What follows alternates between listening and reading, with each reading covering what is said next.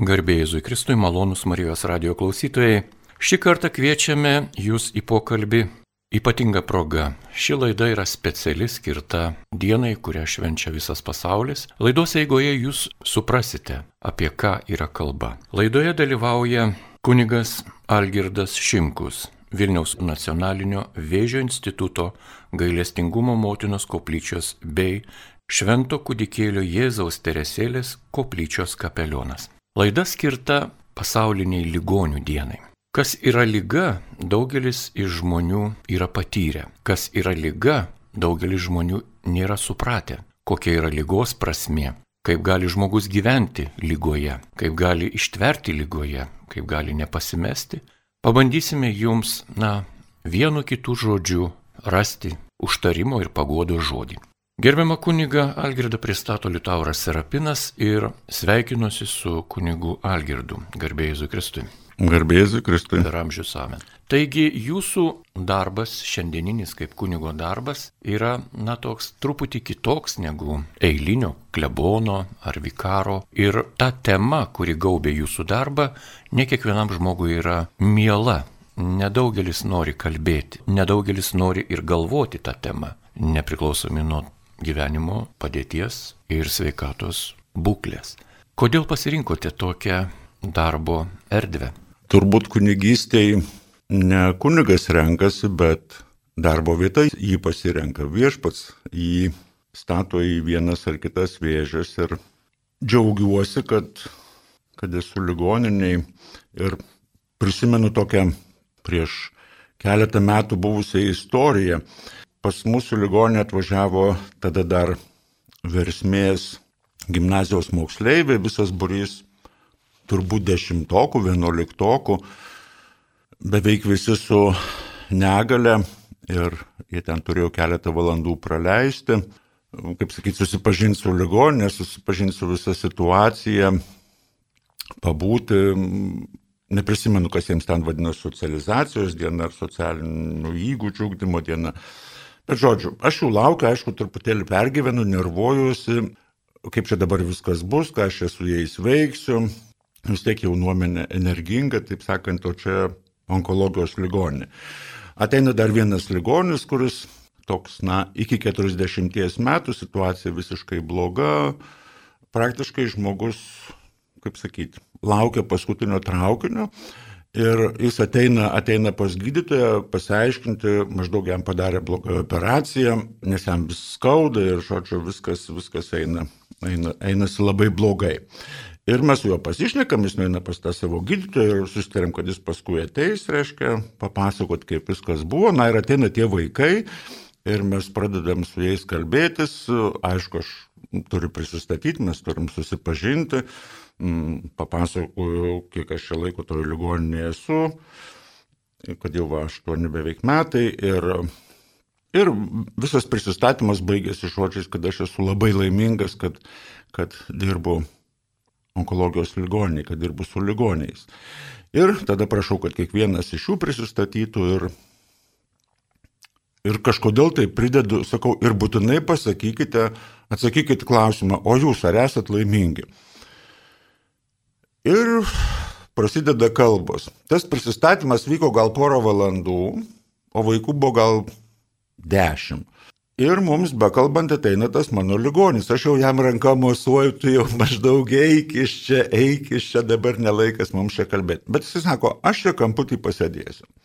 Jis pasėdėjo 15 minučių, o vaikų prisistatymai, tas vėlgi atsa, vardas toks ir ar esu laimingas. Ir visi, reiškia, buvo tokių, kurie net apsiverkė, sakė, aš manęs pirmas į gyvenimą paklausė aš, apie laimę ir aš esu laimingas.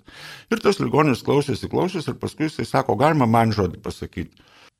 Ir aišku, visi mes nustembame, jis atsisto ir sako, sako, klausiausi, klausiausi aš čia jūsų. Ir aš pagalvojau, taigi visai nesvarbu, kad aš jau iš tikrųjų mirštu, kad esu beveik vieną koją grabe, kaip sakoma.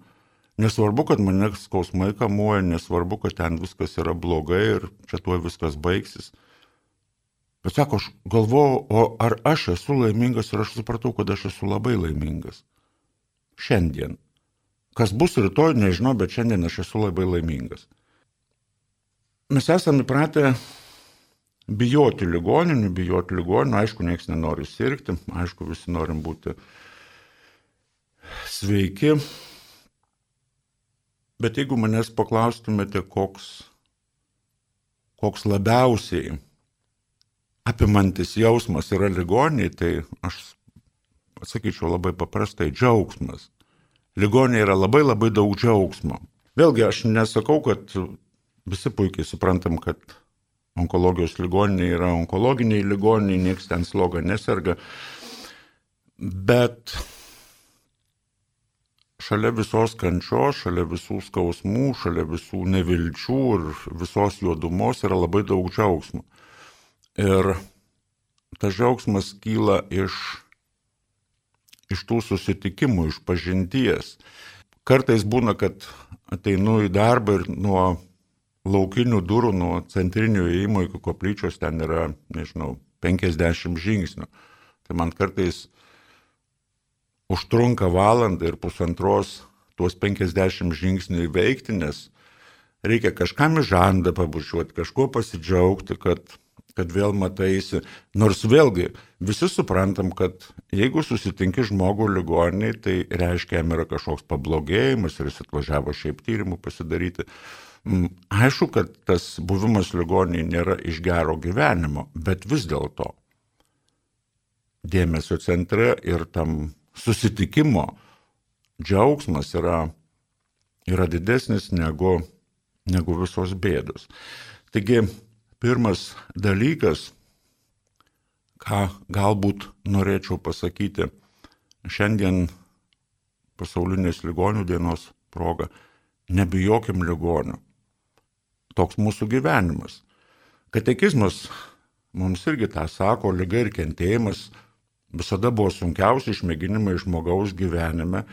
Sirgdamas žmogus pajunta savo beigiškumą, savo ribas ir savo baigtumą ir kiekviena lyga gali mums priminti mirti, čia cituoju katalikų bažnyčios katekizmą, bet vėlgi lyga ir kentėjimai vyksta gyvenimo rėmose, mes esam dar, dar šitoj žemėje ir tie visi žmogiški dalykai, žmogiški prisilietimai, žmogiški susitikimai, visa tai turi, nežinau kokį žodį geriau pasakyti, galios, jėgos įveikti tuos sunkumus, įveikti tuos kentėjimus, įveikti tas visas juodumas. Taigi tikrai galiu ir šiandien sakyti tai, ką kažkada sakiau versmės moksleiviams. Esu labai laimingas, kad esu ligoniniai, kad galiu būti su ligoniais, Aišku, dabar karantinas, tas lankymas, tas bendravimas yra gan ribotas, bet jis vis tiek yra ir vis tiek mes visi, kad ir nematydami vieni kitų, vis tiek esam, esam kartu ir tas slapto džiaugsmo gyjos jos ir toliau mus jungia. Malonus radio klausytojai, jūs girdite laidą, kurioje apie kunigystės dovana pašaukimą, ne vien tik pašaukimą į kunigystę, bet ir pašaukimą į darbą, į žmogiškumą, į meilę, į pagarbą ir artumo jausmus, pasakoja kunigas Algirdas Šimkus Vilniaus universiteto nacionalinio vėžio instituto gailestingumo motinos koplyčios bei gerontologijos ir rehabilitacijos centro Švento kūdikėlio Jėzaus Teresės koplyčios kapelionas. Tęsiant kalbą, na, buvo paminėtas žodis pašaukimas. Turbūt reikėtų sakyti, kad vieni yra pašaukti būti gerais ligoniais, kiti yra pašaukti būti gerais gydytojais. Dar kiti yra pašaukti būti kapelionais tų ligonių, artimaisiais, vaikais, taip toliau. O kas nėra pašaukimas ligoninėje? Kas yra tas, kuris labiausia kenkia, kuris trukdo, kuris gadina visą gyvenimą, visą situaciją verčia į pragarą? Jo, kas labiausiai gyvenimą paverčia pragarų, turbūt yra tas sulindimas į save. Aš dar pradžioj dirbdamas, pradėjęs dirbti ligoniai, kažkaip labai greitai atėjo suvokimas, kad lyga įvaro žmogų tarytum sraigę į labai riesta kreuklė ir ten į patį kamputį ir paskui ne tik gydytojų, slaugytojų ar mano ar visų kitų su ligoniu bendraujančių darbas yra, na, kažkokiu tai būdu tą ligonį iškrapštyti iš tos, iš tos kreuklės, iš to užkampo, iš, iš tos juodumos, iš, iš tos nevilties.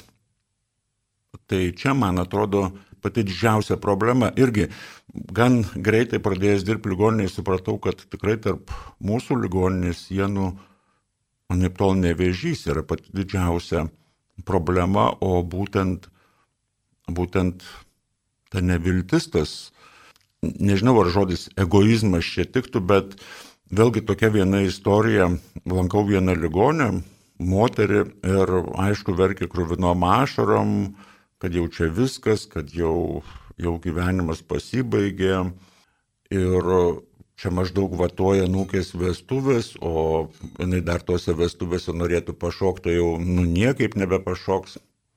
Ir aš taip žiūriu ją ir galvoju, kaip aš nesusigaudau moterų amžiui.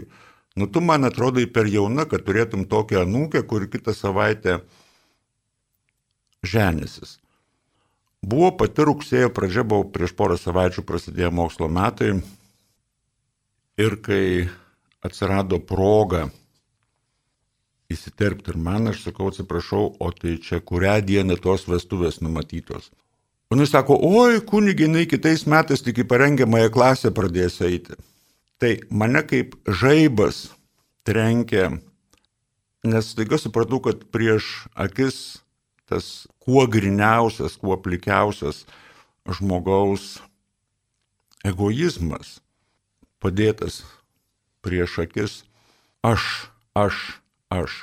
Iš tikrųjų gyvenimasgi nesibaigia.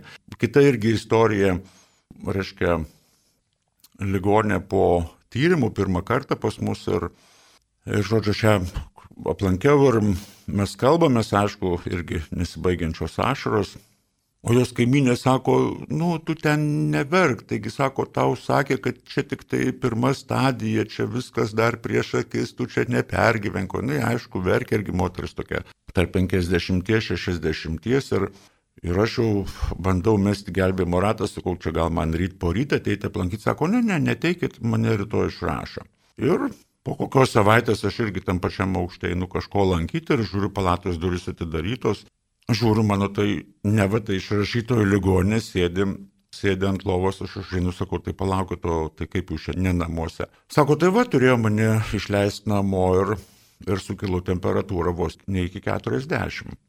Ir mes pasišnekučiam, paskui po kurio laiko vėl einu koridorium žiūriu, tebesėdi, o irgi turėjo išleisti.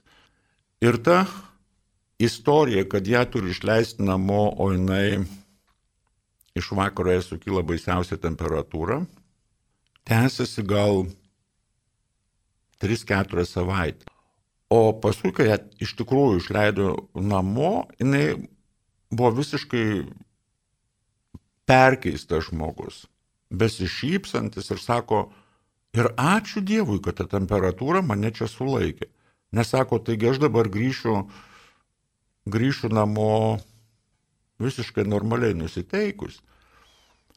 O sako, šiaip taigi būčiau tą visą mėnesį prasidėjus namuose ant lovos ir išverkus visas akis. Neįmanoma be emocijų turbūt šią temą na, kažkaip paliesti savo žodžiais. Mūsų kunigė Algirdai padėtis yra tokia truputėlį nepatogi, nes mes turime kalbėti apie labai rimtą dalyką, o nieko nedaryti. Ta prasme, mes esam kalbančioji pusė. Na, pakalbėsime ir nueisime. O lyga lieka, žmonių kančia lieka, netektis yra tikra, realistiška ir čia žodžiais galima pridėti įvairiausių tokių sparnuotų frazių. Lieka vaikai našlaičiai, lieka mamos be vaikų ir taip toliau. Bet tai jau yra spekulacija. Tai jau yra emocinis tas vadinamas žangliravimas. Protingi žmonės šito to tokio dalyko nemėgsta. Yra didelė auditorija žmonių, kuriems tie pasiverkšlenimai yra labai malonus. Jūs jau minėjote tą tam tikrą žanrą, vadinamą tą egoizmo žanrą. Bet kaip suktis mudviem šioje laidoje? Dar nesame tie ligonys, apie kuriuos kalbame, galbūt būsime, gal nebūsime, čia yra dar paslaptis, O kalbėti reikia apie pasaulinę ligonių dieną. Ir kalbėti būtent kaip ir oriai ir padoriai. Tai gal tada dar vieną tokį klausimą. Kontrastas. Jūs daug metų dirbote Australijoje, dirbote turbūt normaliai parapijoje, gerai atrodančioje ir, ir ką kita, ir socialinė ten aplinka turbūt nėra tokia agresyvi kaip čia naujai besikūrenčioje iš okupacinio režimo išeinančioje valstybėje. Galbūt ir, na, kitos problemos, kurios vis tiek jums atvykusiems iš Europos atrodė kitaip, egzotiškai. Ir grįžtate vėl į Lietuvą. Kontrastas. Kaip žiūrite pats į savo gyvenimo kontrastus? At vienas darbas Australijoje, kitas darbas Vilniuje. Ar nervai atlaiko, ar neplyšta Yra tokia labai graži Hasidų istorija apie, apie vieną, vieną žydelį, jis gyveno prie Vroclavo, buvo baisiai biednas ir, ir aišku, melsdavosi, prašydavo viešpati pagalbos. Ir jam pradėjo sapnuoti sapnas, gražus miestas, ant kalno karaliaus pilis, prieš nosį didelę upę su gražiu tiltu. Ir užkadrinis balsas sako, čia yra Praha, čia yra Karolio tiltas ir po tuo tiltu yra paslėptas lobis, nueik išsikask ir turėsi.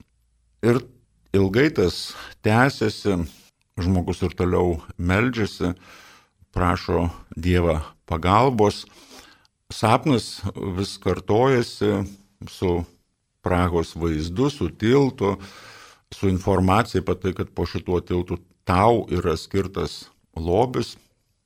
Ir vieną naktį jisai sapnuoja ir, nes paskui žmogus pradėjo melstį Dievą jau ne pagalbo savo vargė, savo biednystėje, bet pradėjo prašyti, kad viešpats patrauktų tą sapną, kad atimtų, nesako, aš tuo išeisiu iš proto. Ir vieną naktį regi sapne tą pačią Prahą, tą pačią karaliaus pilį, tą patį tiltą. Ir balsas sako, gerai įsidėmėk, tu matai šitą vaizdą paskutinį kartą, daugiau gali net nebandyti melstį prasigyvenimo, kokio gyvenimo sąlygų pagerinimo, kadangi tu neklausai, kas tau yra sakoma, tai nėra prasmės ir melstis. Na ir laikui bėgant žmogelis supranta, kad iš tiesų turbūt neturės kur daugiau dėtis, turės keliauti tą Prahą. Ir jis iškeliauja į Prahą. Istorija pasakota yra 18 šimtmečio pabaigoje arba 19 pradžioj, reiškia, žmogelis turi nukeliauti iš Vroslavo į Prahą, atsisveikina su namiškiais, žmona dar įdeda duonos kreukšlį kišenį ir žmogelis išeina. Istorija nutylė apie tai, kiek laiko truko ta kelionė, kas ten vyko ir ko ten nevyko, bet žmogelis pagaliau pasiekė Pragą ir iš tiesų, reiškia, mato vaizdą, kurį jis matė ne kartą ir ne šimtą kartų savo sapnuose. Praga, upė, tiltas, už tilto karaliaus pilis. Ir jis dabar galvoja. Galvoja, taigi, o kuo aš tą savo lobį išsikasiu, ašgi neturiu net geležėlės kišenė, jau nekalbant apie kastuvą. O galų galę, taigi tiltas yra saugomas ir jeigu aš tik prieisiu prie jo ir pradėsiu ten kasinėjimus, taigi mane iškart supakuos ir, ir pasodins į kalėjimą. Ir jam šitai bemastant, ką čia dabar daryti toliau, nes jis prieina prie vietos, kur staiga paaiškėja, kai jis neturi jokio plano ir jokio įsivaizdavimo, kaip viskas galėtų dėtis toliau tilto sargyba jį supakuoja, nuveda pas apsaugos kapitoną. Na ir žmogelis supratęs, kad pateko į bėdą, jisai jam papasakoja visą tiesą, kad jis yra iš Vroslavo, kad jis yra bėdnas žydelis, kad jisai labai pamaldus, kad meldėsi visą laiką, kad prašė Dievą pagalbos, prasigyventi, dukras ištekinti ir visa kita. Ir kaip jam pradėjo sapnuoti sapnas, va, su, su tiltu, su Praga, su viskuo. Ir kapitonas jo klausydamas pradeda juoktis. Sako, bet kokie jūs esate kvaili?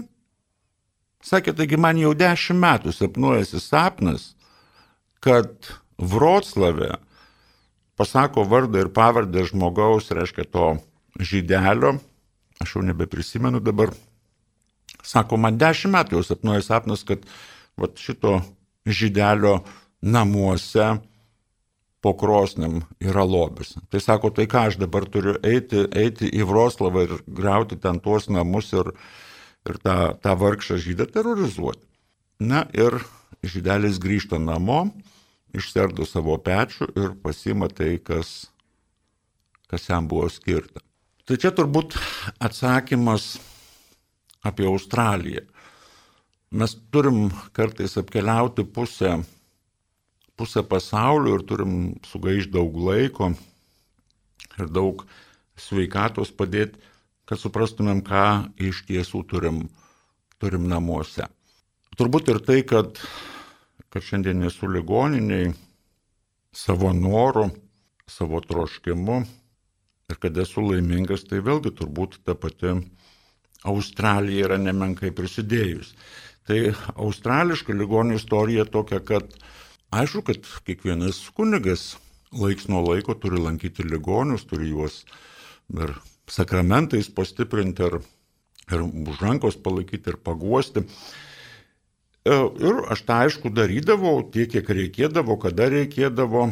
Tiesiog priemiau tai kaip, na, savo kunigiškos tarnystės dalį, nekeldamas jokių papildomų nebūtinų klausimų.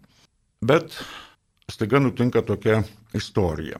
Buvo mūsų viena parapietė, metų jau gerokai virš 80, netekėjusi, pamaldi, gan bjauraus būdo, nepraeidavo pro šalį, neįgėlus, kokios, kaip sako, špilkos neįdūrus į minkščiausią vietą. Kaip sakyti, na, toks tas gyvenimas mes visi esam tokie, kokie esam. Tik auksinės monetos visiems patinka, o žmonės vieni mums patinka, kiti nepatinka, tai prašai turbūt nelabai buvo prie širdies. Ir staiga pastebiu, kad jos jau kilintas sekmadienis nėra bažnyčiai. Ir kadangi Melburne gyveno ir jos, jos brolis su, su šeima, brolis jau buvo miręs, tai brolienės klausiu, sakau, kur mūsų genė jau kilintas sekmadienis nematau. O jinai sako, nu žinai, ją trenkė, dabar neprisimenu, insultas, infarktas ir sako, nėra ligoninė, ten situacija yra labai rimta. Aš sakau, tai kodėl jūs man nepranešėt? Tai sako, aš jai sakiau, genė, jeigu nori, pasakysiu kapelionui, kad ateitų aplankyti. Sako, ai, nesakyk, jis manęs nemėgsta, aš jo irgi nemėgstu, tai nesakyk, tegul nelanko. Ir aš taiga pasipiktinau, nu kaip, tai žmogus vos nemirtim vaduojas ir, ir dabar, reiškia, guli guli kaip beržinė malka viena ligoniniai neplankyta. Išsiteirauju, kur jinai guli ir nuvažiuoju aplankyti. Ir tai buvo 2010 m. lapkričio 5 diena, penktadienis. Atsimenu, kaip dabar buvo graži pavakarė. Aplankau aš ją ir kažkas įvyksta. Kol jinai buvo toj ligoniniai, mes bendraudavom gal Kartą per savaitę šią aplankydavau sekmadieniais. Turiu labai gražų jos raštelį po beveik dviejų savaičių. Tada kaip tik tai mūsų lietuvių bendruomenė Melburne ruošiasi švęsti savo 60-metį ir mūsų toks šūkis buvo besiruošiant ir švenčiant, kad mes be Kristaus nenurimsim. Taigi lankau aš tą genę sekmadienį prieš mišes ir sakau, gal, žodžiu, pasimeldžiam, viską padarom, viską, viską atliekam, kas, kas reikia. Ir sakau, va, važiuoju jau dabar į mišę, sakau, gal ką nors pasakyti reikia bendruomeniai. Sako, pasimk popierėlį, pieštuką ir užsirašyk. Tai tą ir padariau, užsirašiau. Tekstas toks. Genė Baltutytė visiems siunčia linkėjimų. Esu labai laiminga, kad galiu gyventi vienybėje su Kristumi. O kad esu biški sulūžus ir ligoniai, tai tas netaip svarbu. Mylėkite vieni kitus. Mes be Kristaus nenurimsim. 2010 lapkričio 14 sekmadienis. Tai toks, galima sakyti, buvo mano atsivertimas į ligonius.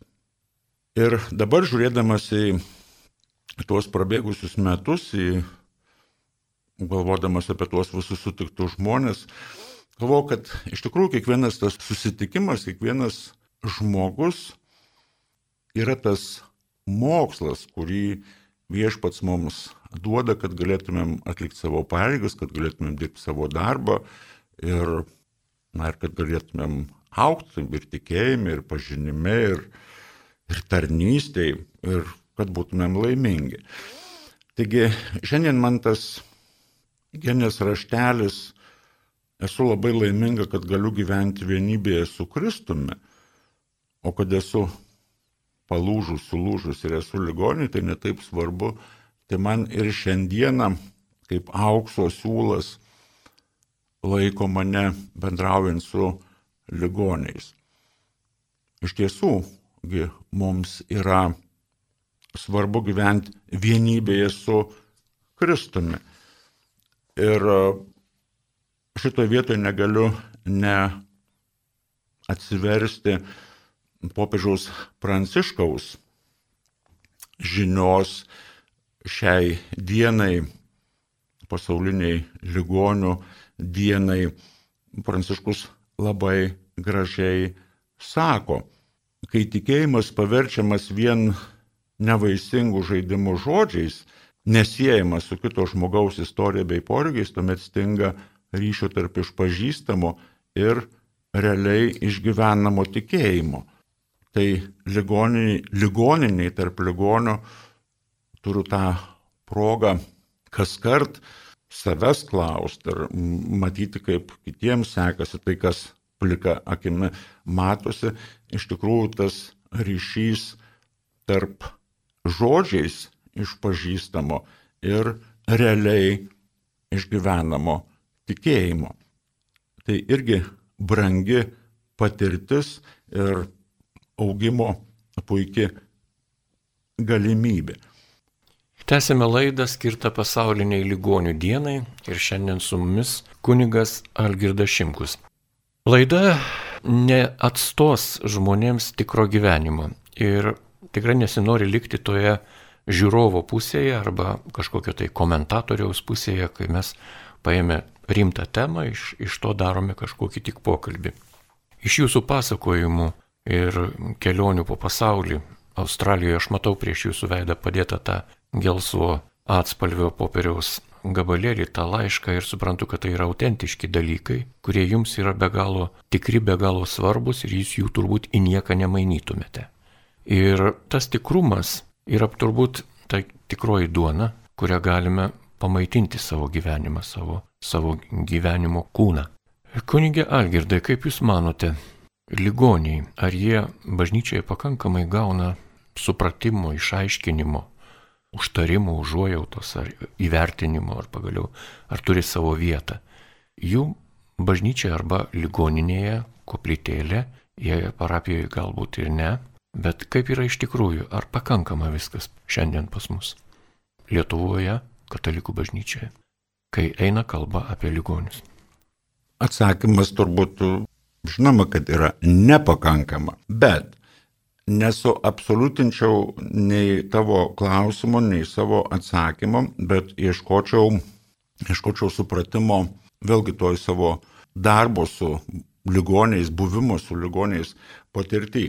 Ir labai gražiai laiškė apie krikščionišką žmogiškos kančios prasme popiežius šventasis Jonas Paulius II sako, įvairios institucijos yra labai svarbios ir būtinos, tačiau ne viena jų negali atstoti žmogaus širdies, žmogiškos užuojautos, meilės ir iniciatyvos padedant kenčiantiems.